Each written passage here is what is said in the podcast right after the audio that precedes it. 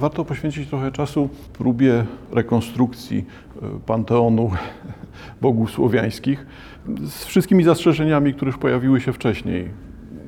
Jednak płynność źródeł, jednak duża niepewność dotycząca tego, w jaki sposób czy w jakim zakresie też uległy przekształceniu wszelkiego rodzaju informacje w zapisach, bardzo często w zapisach wtórnych. Ktoś zapisuje opowieści, które usłyszał, usłyszał od kogoś. Na dodatek, jeszcze jak wspominaliśmy, bardzo często te zapisy dotyczą zapisów przeciwników bogów słowiańskich. Oddajmy głos Aleksandrowi Giejsztorowi. Przeczytajmy jeszcze w całości wzmiankowany już ustęp Prokopiusza z Cezarei o religii Słowian, których mógł sam lub jego informatorzy oglądać na pograniczu cesarstwa w VI wieku. Czyli ciekawe wprowadzenie, ze względu na to, że tych tekstów źródłowych rzeczywiście jest niewiele. Mamy wobec tego tekst Prokopiusza z Cezarei, VI wiek naszej ery. Ten moment, kiedy słowiańszczyzna jest, no, przyjmijmy jednak na początku chociaż z tymi wszystkimi zastrzeżeniami nie, niezbyt wiadomo, jak, gdzie umiejscowić początek historii Słowian. Prokopiusz pisze. Uważają oni, że jeden tylko Bóg, Twórca błyskawicy, jest Panem całego świata i składają Mu w ofierze woły i wszystkie inne zwierzęta ofiarne. O przeznaczeniu nic nie wiedzą, ani nie przyznają Mu żadnej roli w życiu ludzkim, lecz kiedy śmierć zajrzy im w oczy, czy to w chorobie, czy na wojnie, ślubują wówczas, że jeśli jej unikną, złożą Bogu natychmiast ofiarę w zamian za ocalone życie, a uniknąwszy, składają ją jak przyobiecali i są przekonani, że kupili sobie ocalenie za tę właśnie ofiarę. Oddają ponadto także cześć rzekom, nimfom i innym jakimś duchom i składają im wszystkim ofiary, a w czasie tych ofiar czynią wróżby. Wobec tego mamy teksty źródłowe i mamy teksty źródłowe, które są oczywiście pisane przez kogoś z innego kręgu kulturowego. Tym niemniej widać, że te zapisy dotyczą nie przypadkowych systemów wierzeń, nie tego, co jest czystą hipotezą, rekonstrukcją właśnie, tylko są zapisem już bardzo mocno ustalonego systemu, hierarchii, reguł kultu, które się tutaj pojawiają to nie jest coś, co jest na początku swojego istnienia, tylko coś, co wyraźnie ma już swój, swój schemat, swoją organizację, czyli właśnie strukturę, hierarchię. Czyli zdaniem Gejsztora na szczycie Panteonu możemy umieścić Peruna. Gejsztor.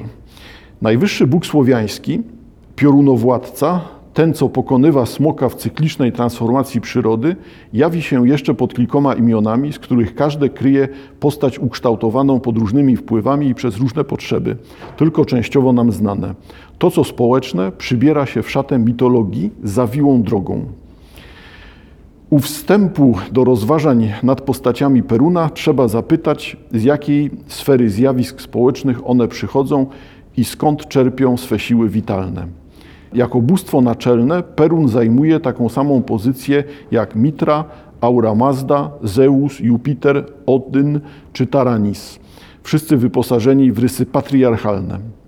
Jest jakby obrazem ojca przeniesionym w sferę sakrum, jakby archetypem przywódcy wielkiej rodziny, plemienia, zapewniającym dobrobyt wspólnoty, kształtującym jej stosunek do otaczającego świata i uznanie odpowiednich norm to ojciec i zarazem piorunowładca, zdolny do jej obrony, a także poszerzania jej zasięgu. Jeśli przyjąć stanowisko Eliadego, należy on do typu bogów bardziej rozwiniętych niż bogowie zwierzchni, stróże praw i rytów. Wzbogacił się właściwością opiekuna płodorodności jako bóstwo burzy deszczowej, zbliżając się do wedyjskiego Indry, który ją wywołuje, uwalnia wody i też włada piorunem. Wieloraka potęga perunowa występuje wyraźnie w postaciach zbliżonych jakby w jego wcieleniach. Z jednej strony, po tym co powiedzieliśmy już poprzednio, wydaje się, że wierzenia słowiańskie, choć tak niedoskonałe i cząstkowo nam znane, tworzyły od niepamiętnych czasów stosunkowo zwarty zespół idei wcale bogaty, porównywalny z wierzeniami innych ludów i pełen treści żywych jeszcze w średniowieczu. Z drugiej strony przyjąć należy, że książęta słowiańscy usiłowali dać nowe impulsy religii pogańskiej. Dostrzegliśmy to w Kijowie, zanim ostateczny wybór padł na chrześcijaństwo jako religię państwową, a więc na rozwiązanie wówczas najkorzystniejsze problemów polityki wewnętrznej i zewnętrznej w dobie wzmożonego nacisku chrześcijańskich sąsiadów. W oczach wodzów i masy plemiennej małych organizacji polityczno-terytorialnych Połabia i Pomorza Zachodniego przyjęcie chrześcijaństwa oznaczało jednak klęskę i ich pochłonięcie bądź przez cesarstwo, bądź przez Danię lub Polskę. Groźba zniknięcia z rzędu samodzielnych tworów politycznych, która zawisła nad Wieletami i Obodrzycami po serii początkowych sukcesów panów saskich, została odsunięta na prawie dwa stulecia dzięki zwycięskiemu powstaniu Federacji Plemion Słowiańskich w roku 983. I to jest ten obszar, kiedy pojawia się jakby dążenie do samostanowienia Słowian, wyraźnie rozgrywające się w tej materii religijnej, no, czy właśnie mitycznej. Jedni opowiadają się po stronie nowych bogów, tych powiedzmy umownie zachodnich, a jedni po stronie wierności swoim przywódcom. Przekształcenia, które tutaj mają miejsce, też w jakiś sposób motywują to, że być może to, co było wielobóstwem, ale wielobóstwem o ograniczonej ilości bóstw w tym panteonie, nagle zaczyna się pojawiać jako panteon, który staje się coraz liczniejszy, który jest poszerzany w dość dowolny sposób. Bardzo często wydaje się, że to poszerzanie wcale nie polega na wprowadzaniu nowych bogów, tylko polega na równoległości imion tych bogów. I nagle granice między tymi bogami będą niewielkie, albo będą wynikały właśnie z tego, że stale mówimy o jednej osobie, o jednym pomyśle na bóstwo, przy czym jeden rozumiem tutaj jako kategorię jeden zamiast wielu, czyli pamiętajmy, że mówimy o religii politeistycznej, ale w tej, tym politeizmie każdy pojedynczy Bóg może mieć jeszcze wielość imion i zróżnicowane funkcje, będąc jednak dalej tą jedną osobą w zestawie wielu bogów. Gejsztor. Imię Sfantewita w źródłach jako Sfantewit, Sfentewit, które trzeba zrekonstruować jako Sfętowit, a więc świętowit, a nie światowit, jak tego chciała wizja romantyczna polskich badaczy i miłośników starożytności słowiańskiej w wieku XIX, składa się z dwóch elementów. Pierwszy, swęt, oznacza tego, który rozporządza dobroczynną mocą magiczną, świętego, co utożsamiono od wieku IX z sanctus i haios w języku kościołów chrześcijańskich.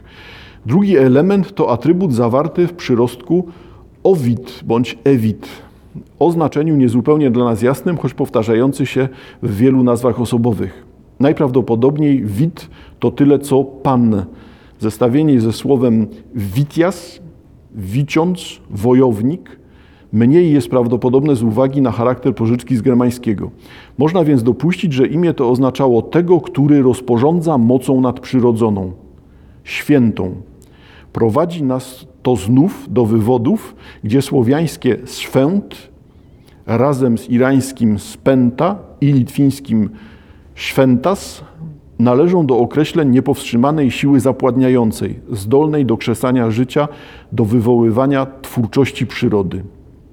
Czyli mamy świętowita, świętowida, przy czym ten świętowit nasz jest określeniem poprzedzającym zakres znaczeniowy łacińskiego sanctus, czyli swęt. Łatwo teraz przechodzi nam to na święty i uruchamia nam tylko ten ciąg, współcześnie na to patrząc, tylko ten ciąg skojarzeń chrześcijańskich.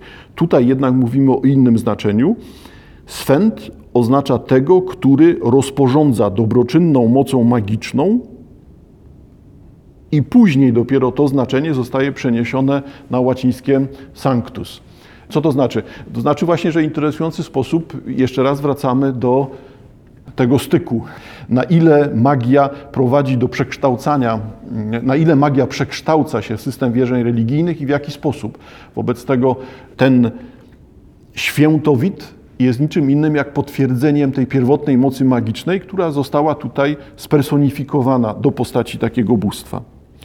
Dalej Gejsztor. Imię to czysto słowiańskie. Mimo, że średniowieczni erudyci kościelni głosili, że pochodzi ono od świętego Wita, co raz po raz odżywa w nauce, rzecz wyjaśnia się chociażby przez zestawienie z wieloma podobnie zbudowanymi imionami osobowymi, jak Miłowit, Radowit, Siemowit, inne. I mamy tutaj ciąg wypowiedzi Giesztora, który pozwala na to, żeby to imię lokalizować, a komentarz, czy znowu jeden z nielicznej stosunkowo grupy tekstów źródłowych, pozwoli nam na to, żeby poprzez kult móc zdefiniować, kim jest świętowit.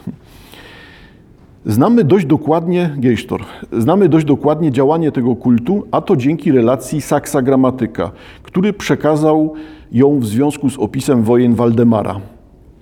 I tutaj mamy XIII wiek, XIII wiek, w którym pojawiają się opowieści kilkaset lat wcześniejsze. Także znowu widzimy, że no, źródło jest, ale jednak pojawia się dystans i pojawia się to przekazywanie wiedzy po kimś. No tym niemniej e, ten tekst z wypowiedzi e, historyka jest dla nas czymś ważnym, tak? bo zawiera jakby modelowe, jest modelowym zapisem wierzeń słowiańskich. Saksogramatyk. Już w tłumaczeniu na język polski, oryginał oczywiście w łacinie. Środek grodu zajął plac, na którym widziałeś wcale piękną bożnicę z drzewa, słynną nie tylko dla okazałej służby, ale i dla posągu w niej umieszczonego.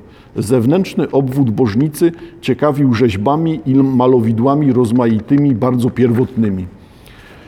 Otworem w nim stało dla przechodniów tylko jedno wejście – Samą świątynię otaczał rząd podwójny, zewnętrzny ze ścian o dachu czerwonym, wewnętrzny tylko o czterech słupach, miał zamiast ścian kobierce zawieszone, a podzielał z zewnętrznym tylko dach i kilka belek poprzecznych.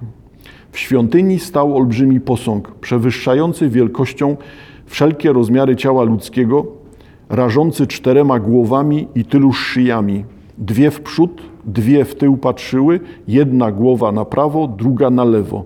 Wąs był tak ogolony, a głowa tak przystrzyżona, że umyślnie wyraził artysta fryzurę urugian zwyczajną. W prawej ręce trzymał róg urobiony z wszelkiego, z wszelakiego kruszcu, który kapłan świadomy obrzędu dorocznie winem nalewał, aby móc z płynu wróżyć o urodzajach przyszłego roku. Lewe ramię opierało się o bok niby zgięciem. Suknia posągu sięgała goleni, z drzewa innego urobionych, a tak nieznacznie w kolana wpojonych, że tylko przy starannych oględzinach dojrzał miejsca znitowania. Nogi spoczywały wprost na ziemi, gdyż sama podstawa była w ziemi ukryta. Obok widziałeś wędzidło, siodło i liczne odznaki. Miecz niezwykłej wielkości powiększał dziw, którego pochwę i rękojeść pysznej roboty srebro zalecało. Uroczystość obchodzono w sposób następujący. Kapłan, co przeciw zwykłemu ziomkowi strojowi, długimi wąsami, a włosami się wyróżniał, umiatał dzień przed uroczystością najstaranniej świątynię, do której sam jeden mógł wstępować, bacząc, aby w niej nie oddychał. Więc ilekroć miał wydychać, tylokrotnie biegł ku wejściu, aby oddech ludzki Boga nie owionął, a przez to nie pokalał. W dzień następny, gdy lud przed, wyjściem, przed wejściem czekał, brał posągowi puchar z ręki, a bacznie obejrzawszy, czy co z własnego płynu nie ubyło, wieszczył o nieurodzaju przyszłym, a gdy to sprawdził, polecał, aby nowe żniwo na przyszły czas zachowano. Jeśli zaś nic nie ubyło, wieszczył o przyszłej, przyszłej obfitości. Na tej to podstawie rozstrzygał o hojniejszym lub ściślejszym szafowaniu zasobami. Wylawszy stare wino u nóg posągowych na ofiarę, świeżym puchar napełnił, a uczciwszy posąg, jakoby mu dał pić, błagał potem w uroczystej modlitwie najpierw sobie, potem krajowi o wszystko pomyślne, ziomkom zaś o pomnożenie majątku i nowe zwycięstwa. Po modlitwie przechylił puchar ku ustom i duszkiem go wypił, a napełniwszy go znowu winem, włożył ponownie posągowi w prawicę. Przyniesiono także na ofiarę miodownik okrągły, niemal na wielkość człowieczą. Stawiał go kapłan między siebie a gmin i pytał, czy go za nim widzą. Gdy to potwierdzali, wyrażał życzenie, ażeby ciż sami go po roku dojrzeć nie mogli, lecz nie o śmierć, ani sobie, ani ziomkom upraszał, lecz o przyszłe żniwo obfitsze.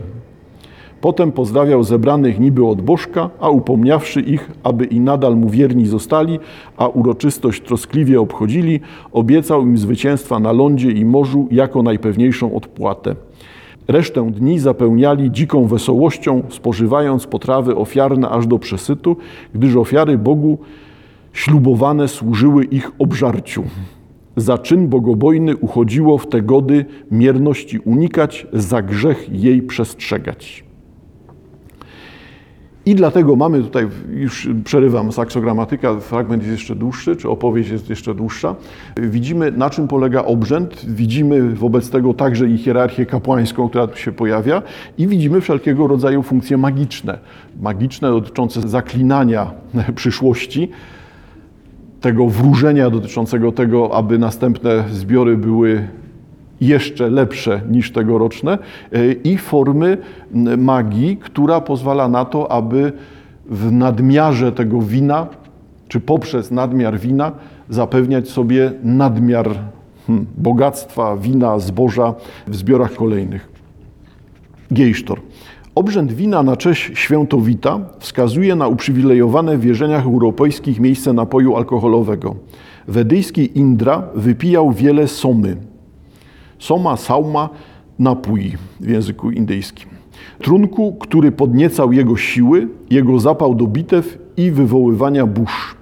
Komentarz do Somy rzeczywiście, już obok teraz mówię, mm, komentarz do Somy musiał być o wiele potężniejszy ze względu na to, że Soma jest napojem niedookreślonym i na ile Soma jest odpowiednikiem napojów, który, który pojawia się chociażby wśród bogów greckich, owego nektaru boskiego, a na ile jest odrębną substancją, która czy związana jest z alkoholem, czy związana jest z wszelkiego rodzaju substancjami, które dzisiaj klasyfikowalibyśmy jako narkotyki. No, to już jest rzecz odrębna, rzeczywiście soma duże zagadnienie. Czyli wypijał wiele somy, trunku, który podniecał jego siły, jego zapał do bite, wywoływania burz. Widzieliśmy jednak, że Rzymianie, Germanowie i Słowianie powierzali władanie piorunem swemu bóstwu zwierzchniemu. To też siłą rzeczy i Jupiter miał związek z winem. Wypływa to jednak nie tyle z jego panowania nad burzami i atmosferą, ale z pozycji suwerena. Wino czy inny trunek nie tylko jest pożywieniem, ale przede wszystkim pobudza energię i siłę i działa na psychikę, e, a więc ma moc jakby cudowną, której pragną nawet bogowie. Trunki upajające mają więc znaczenie szczególne zarówno w życiu społecznym, gdzie są napojami władców, jak i w sferze mitycznej. A w micie Odyna, ten król bogów germańskich, właściciel najlepszych miodów, czerpie z nich aż do upicia się wiedzę i poezję. Tej roli trunków odpowiadają akty ofiary obrzędowej. Jupiterowi składa się winne grono, warunie kryjącemu się pod postacią somy, personifikacji boskiego napoju, roślinę somę. Też komentarz, roślina ma charakter niedopowiedziany znowu, czyli współcześnie nie jesteśmy w stanie jednoznacznie określać, o jaką to roślinę chodzi, z której wykonywałoby się somę. Dalej Gejsztor. Zamieniwszy zaś to, co należało zmieniwszy zaś to, co należało zmienić, Słowianie nadbałtyccy przydają świętowitowi róg, znamie władcy, a jednocześnie naczynie, w którym napój stary zastępuje się nowym w symbolicznym obrządku cyklicznego odnawienia i odmłodzenia. Róg należy do wyposażenia wczesnośredniowiecznych kamiennych posągów staropruskich z Warmii i Mazur, winieje też w ręku jeźdźca na kamieniu z leźna pod kartuzami. Rzeczywiście sporadycznie zachowane wizerunki bogów słowiańskich, w tym świętowita, to są elementy, gdzie jedna z postaci, tych postaci czterotwarzowego Boga, trzyma róg. Interesujące dla mnie jest tutaj to, w jaki sposób ten obrzęd świętowita istnieje do dzisiejszego dnia. Czyli no, nie, nie trzeba daleko tego szukać. Wiadomo, że wprowadzanie religii nowej, owszem, polega często na wypalaniu poprzedniej do korzenia, ale bardzo często prowadzenie religii nowej jest podjęciem metaforyki, podjęciem obrzędowości z religii poprzedniej. I to są te, no powiedzmy jednakże, naturalne zbitki pojęć, zbitki wyobrażeń, które zaczynają funkcjonować samodzielnie. Czyli powiedzmy tak, przed, chrześcija- przed chwilą, gdy chrześcijaństwo skontaktowało się ze słowiańszczyzną, pewne obrzędy, pomysły, metafory, wyobrażenia nie istniały. Po tym kontakcie okazuje się, że chrześcijaństwo zaczyna wykorzystywać system wierzeń, obrzędów, który istniał w religii wcześniejszej, po to, aby zwolennicy religii przedchrześcijańskiej płynnie mogli przejść do tej religii nowej dla siebie, aby w tej nowej religii odnajdywali tak naprawdę kontynuację starej. I jeżeli tak na to popatrzymy, to rzeczywiście bardzo ciekawe staje się to, na ile położenie nacisku na Eucharystię w chrześcijaństwie ono oczywiście jest obecne wcześniej, ale na ile uczynienie z tej obrzędowości eucharystycznej takiej, jaką widzimy dzisiaj, nie jest przypadkiem jakąś kopią, odwołaniem, naśladownictwem, podjęciem modeli, które istniały w religiach przedchrześcijańskich. Oczywiście nie o samą Eucharystię tutaj chodzi, ale też o wszelkiego rodzaju metaforykę związaną na przykład z winoroślą. Ona istnieje wcześniej, ale jej uwypuklenie może być znaczące. Znaczące właśnie jako ten ślad hmm, kopiowania dyskusji, powrotów pewnych czy naśladownictw zaczerpniętych z religii e, przedchrześcijańskiej. Porzućmy, proszę Państwa, świętowita i sięgnijmy do kolejnego Boga. Już imię pojawiło nam się, Weles. I sięgamy do Gejsztora. Obok Peruna i Buzmu bliskoznacznych oczekują na analizę inne. I pojawia się analiza dotycząca Welesa. Gejsztor. Wypadkiem prawdziwie trudnym jest Weles, czy Weles lub Wołos, Bóg, Wolos, Bog, ze źródeł staroruskich. Przy pierwszej przymiarce mitologii Słowian do myśli Dumezila wspominany historyk, e, kulturoznawca francuski, związano go z funkcją trzecią zapewnienia płodności siły przyrody w służbie człowieka. Przydział ten ma za sobą trzy nierównej miary argumenty. Po pierwsze, przemawiałyby za nim etymologia nazwy bóstwa, którą Toporow rozumie jako pochodną czy równoleglą do wolst. Wolst włość w języku polskim, mienie czyli mienie należące do wspólnoty. Powtórę, powieść doroczna, najdawniejsza kronika ruska, dorzuca temu bóstwu epitet Skotibok, czyli Bóg bydła. Po trzecie, z tego samego zabytku dowiadujemy się, że w czasie zawierania traktatu z Grekami w roku 971 wsia Ruś, czyli wszystka Ruś, kleła się na to bóstwo, podczas gdy wojownicy przysięgali tylko na Peruna. I tutaj zauważcie Państwo, że w tym źródle widać właśnie to, że ludzie składają przysięgi, przywołując i Peruna, i Wołosa. Wojownicy przysięgali tylko na Peruna. Występowałoby więc tu, występowałby więc tu kontrast pomiędzy tymi, którzy zależeli od Boga związanego z funkcją drugą, tak bowiem Toporow pomyłuje Peruna, a tymi, którzy spełniali w społeczeństwie funkcję trzecią, mając dla niej odpowiednie bóstwo Welesa, tego Wołosa. Rozumowaniu temu trzeba przeciwstawić rozważania Jakobsona, który, które można jeszcze rozwinąć. Podstawową sprawą jest to, czy określenie Bóg bydła wskazuje jednoznacznie na ograniczenie zakresu własy Welesa do czynności gospodarskich. Przeczytajmy jeszcze raz ustępy dotyczące umów rusko-bizantyjskich. Przed rokiem 907 zapisano, jak książę Olek i jego mężowie, wezwani do przysięgi według prawa ruskiego, kleli się na swój oręż i na Peruna swego Boga i na Wołosa, Boga bydła. I pokój został tak zatwierdzony. W tym przypadku należy stwierdzić, że strona ruska przysięgała na obu bogów jednocześnie, przy czym nie idzie tu o rzeczywiste wydarzenie przed tą datą, ale o słowa kompilatora powieści dorocznej. W roku 944 w celu uwierzytelnienia podobnego układu przysięgano zbiorowo tylko na Peruna. Czyli widzimy, że ta różnica w hierarchii e, Wołos, Weles a Perun jest czymś, co wydaje się być specjalizowaną różnicą. Dlatego Perun, Bóg piorunów, Bóg, który najbliższy będzie grupie wojowników, jest czymś innym od grupy rolników, przyjmijmy tak umownie. No tutaj będzie hodowców bydła.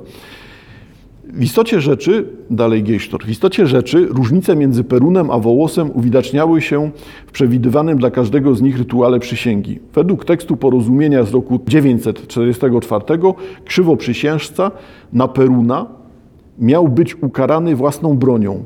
nie obroni się własną tarczą i zostanie rozsieczon własnym mieczem, strzałami, innym orężem swoim. Według zaś wzmianki pod rokiem 971 ci, co zawiodą przysięgę na Peruna i Wołosa, zostaną wyzłoceni jak złoto, da budiem zoloty jak zoloto i rozsiekani własnym orężem. Skoro wiemy, że ta ostatnia kara jest właściwa Perunowi, trzeba, mimo przestawienia w tekście, owo wyzłocenie przypisać Wołosowi. Zdawałoby się to pozbawione sensu i wręcz niezrozumiałe jako kara Boża. Tymczasem rzecz wyjaśniała się ze staroruskiego terminu zołotucha, oznaczającego skrofuły, czyli zołzy. Winni niedochowania wiary Welesowi oświadczali się, oświadczali się gotowi podlec jego zemście, śmiertelnym cierpieniom wywołanym przez gruźlicę gruczołów chłonnych, a w szczególności wtórną gruźlicę skóry, skrofułodermę, powodującą żółtaczkę u chorego.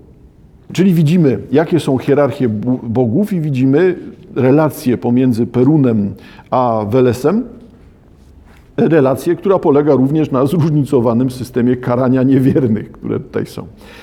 Dalej Gejsztor. Ranga bóstwa u początku doby chrześcijańskiej musiała być wysoka. Chodzi o Welesa. Skoro przypisuje się zniszczenie w Rostowie posągu Wołosa i to kamiennego za sprawą świętego Awaramija Rostowskiego.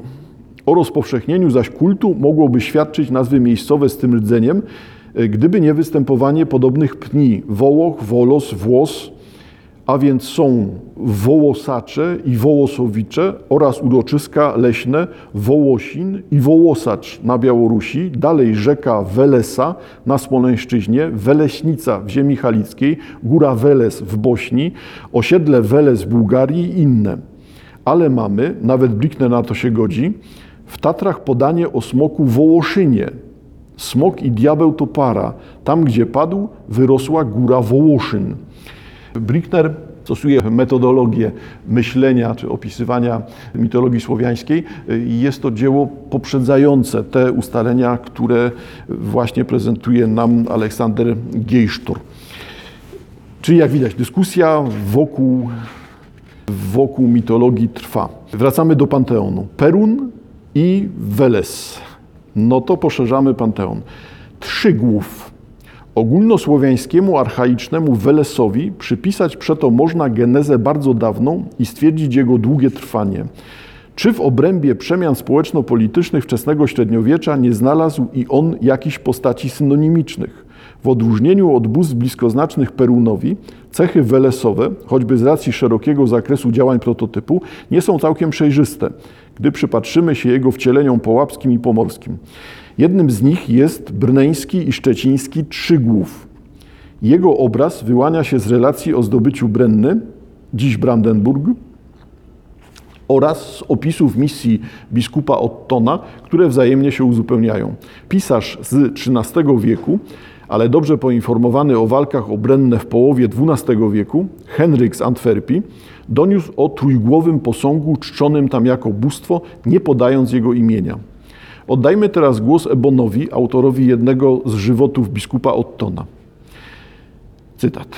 Szczecin, miasto znaczne i większe niż Wolin, w zasięgu swoim trzy góry zawierał, z których średnia i najwyższa poświęcona najwyższemu bogowi, Bogu pogańskiemu trzygłowowi. W oryginale pojawia się Trigelavo jako imię w ten sposób zapisane, ten trzygłów Trigelavo. Posiadała posąg trójgłowy, nakryciem złotym oczy i usta zasłaniający. Kapłani zaś tych boczków twierdzili, że Bóg Najwyższy ma dlatego trzy głowy, bo trzema zawiaduje państwami, to jest nieba, ziemi i podziemia, a twarz nakryciem zasłania, jakby grzechów ludzkich nie widząc ani słysząc, by je przeoczył. Szerzej opisuje Herbort. Były zaś w mieście Szczecinie cztery kąciny – w oryginale contine.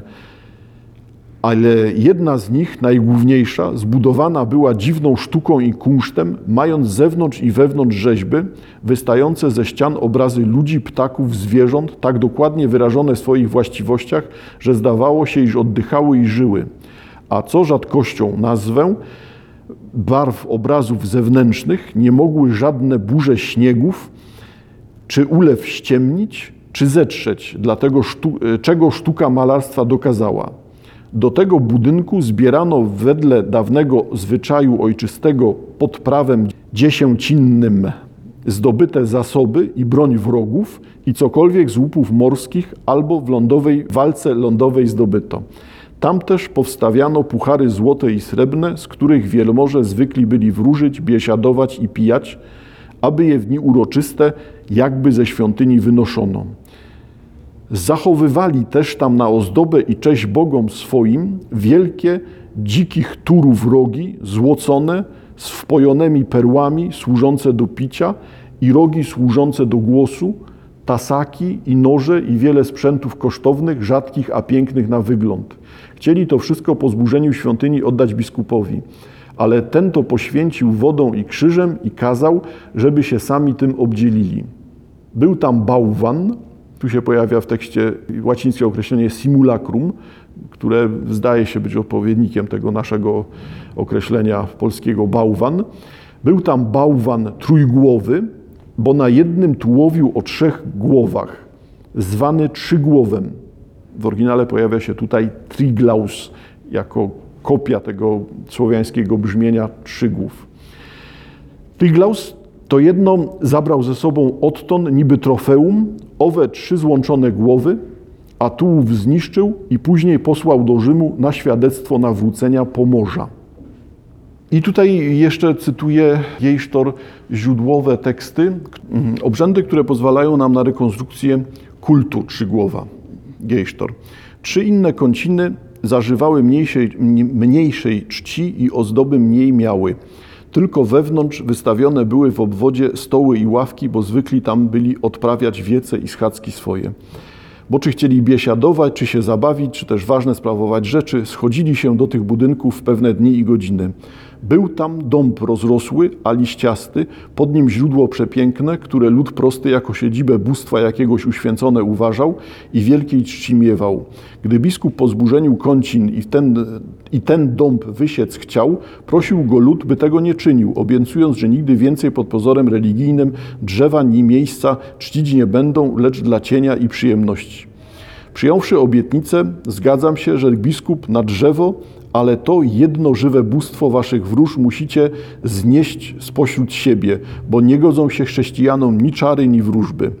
Mieli bowiem rosłego bardzo i otyłego konia, karego naderbystrego. Ten próżnował sobie rok cały, a uchodził za taką świętość, że się nań żaden jeździec nie godził i miał jednego z kapłanów czterech świątyń za bardzo pilnego stróża. Kiedy bowiem zamyślali ruszać przeciw wrogom albo na łupy, o wyniku wyprawy w ten sposób zwykli byli się przezeń przeświadczać. Kładziono na ziemi dziewięć włóczni, każda o łokieć nawzajem oddalona. Osiodławszy konia i nałożywszy uzdę, kapłan, do którego dozór należał, trzymanego za uzdę trzykrotnie tam i nazad w poprzek leżących włócznich przeprowadzał. Jeśli koń przeszedł, nie potknąwszy się ani nie rozrzuciwszy włóczni, mieli to za znak powodzenia i wyruszali na pewne w razie przeciwnym zaniechywali. Ten więc rodzaj wróżenia i inne oblicza, obliczenia drewkami, w czym upatrywali wróżbę bitwy morskiej czy łupów, zniósł odto zupełnie mimo silnego sprzeciwienia się niektórych, a samego konia owej wróżby bezbożnej kazał do innej ziemi sprzedać, aby nie stał się siłą zgorszenia, twierdząc, że on raczej do wozów niż do wróżby zdany. Wobec tego tego typu zapisy pozwalają Geisztorowi na to, żeby próbować, próbować docierać do tego, czym są, jaką funkcję mają te pierwotne kąciny, rodzaje świątyń, które mają swoją kontynuację też w obrzędowości współczesnej, współczesnej chrześcijańskiej. Przytoczony tu fragment dotyczący czterech innych, e, trzech innych kącin objaśnić należy jako przekaz dotyczący nie tyle świątyń, ile miejsc zebrań o charakterze uroczystym i sakralnym. Omówiwszy je jeszcze poniżej, gdy zajmiemy się miejscami kultowymi. Trzy kąciny pozostałe nie miały wizerunków bóstw. Jeśli wierzyć mnichowi, jedna z nich miała zawierać także jakieś wyobrażenie, simulacrum, a inna siodła pozłacane i posrebrzane trzygłowa. Osobną czcią cieszyły się w Szczecinie dąb i źródło, znane nam już atrybuty kultu Peruna. Wolno więc rozłączyć kult trzygłowa, uznawanego w tym grozie za naczelne bóstwo plemienne i kult Peruna lub innego, nieznanego nam bóstwa bliskoznacznego. Komu zaś przypisać wróżebnego czarnego konia? Widzieliśmy, że koń świętowita był biały. Podobne były konie kultowe innych bóstw naczelnych typu Jowiszowego. Maść kara wskazuje na bóstwo innego zakresu. Trzygłowa dorzucają niektóre tylko szczegóły. Jego posąg był ze złota. Ukryty przed prześladowaniem ze strony Ottona, został oddany przez kapłanów na przechowanie wdowie, która go trzymała okrytego tkaniną w pniu drzewa. Osobno chowała starożytne siodło trzygłowa. Nie spodziewajmy się tutaj precyzyjnych określeń, tylko raczej pojawiają się kategoryzacje. Bóstwo chtoniczne, jakim byłby no w części chociaż byłby trzygłów, no to jest coś, co zbliża tego trzygłowa e, do Welesa, czyli Bóg, który zajmuje się tym, co jest pod ziemią, tym, co jest krainą śmierci, tym, co wydarza się po śmierci.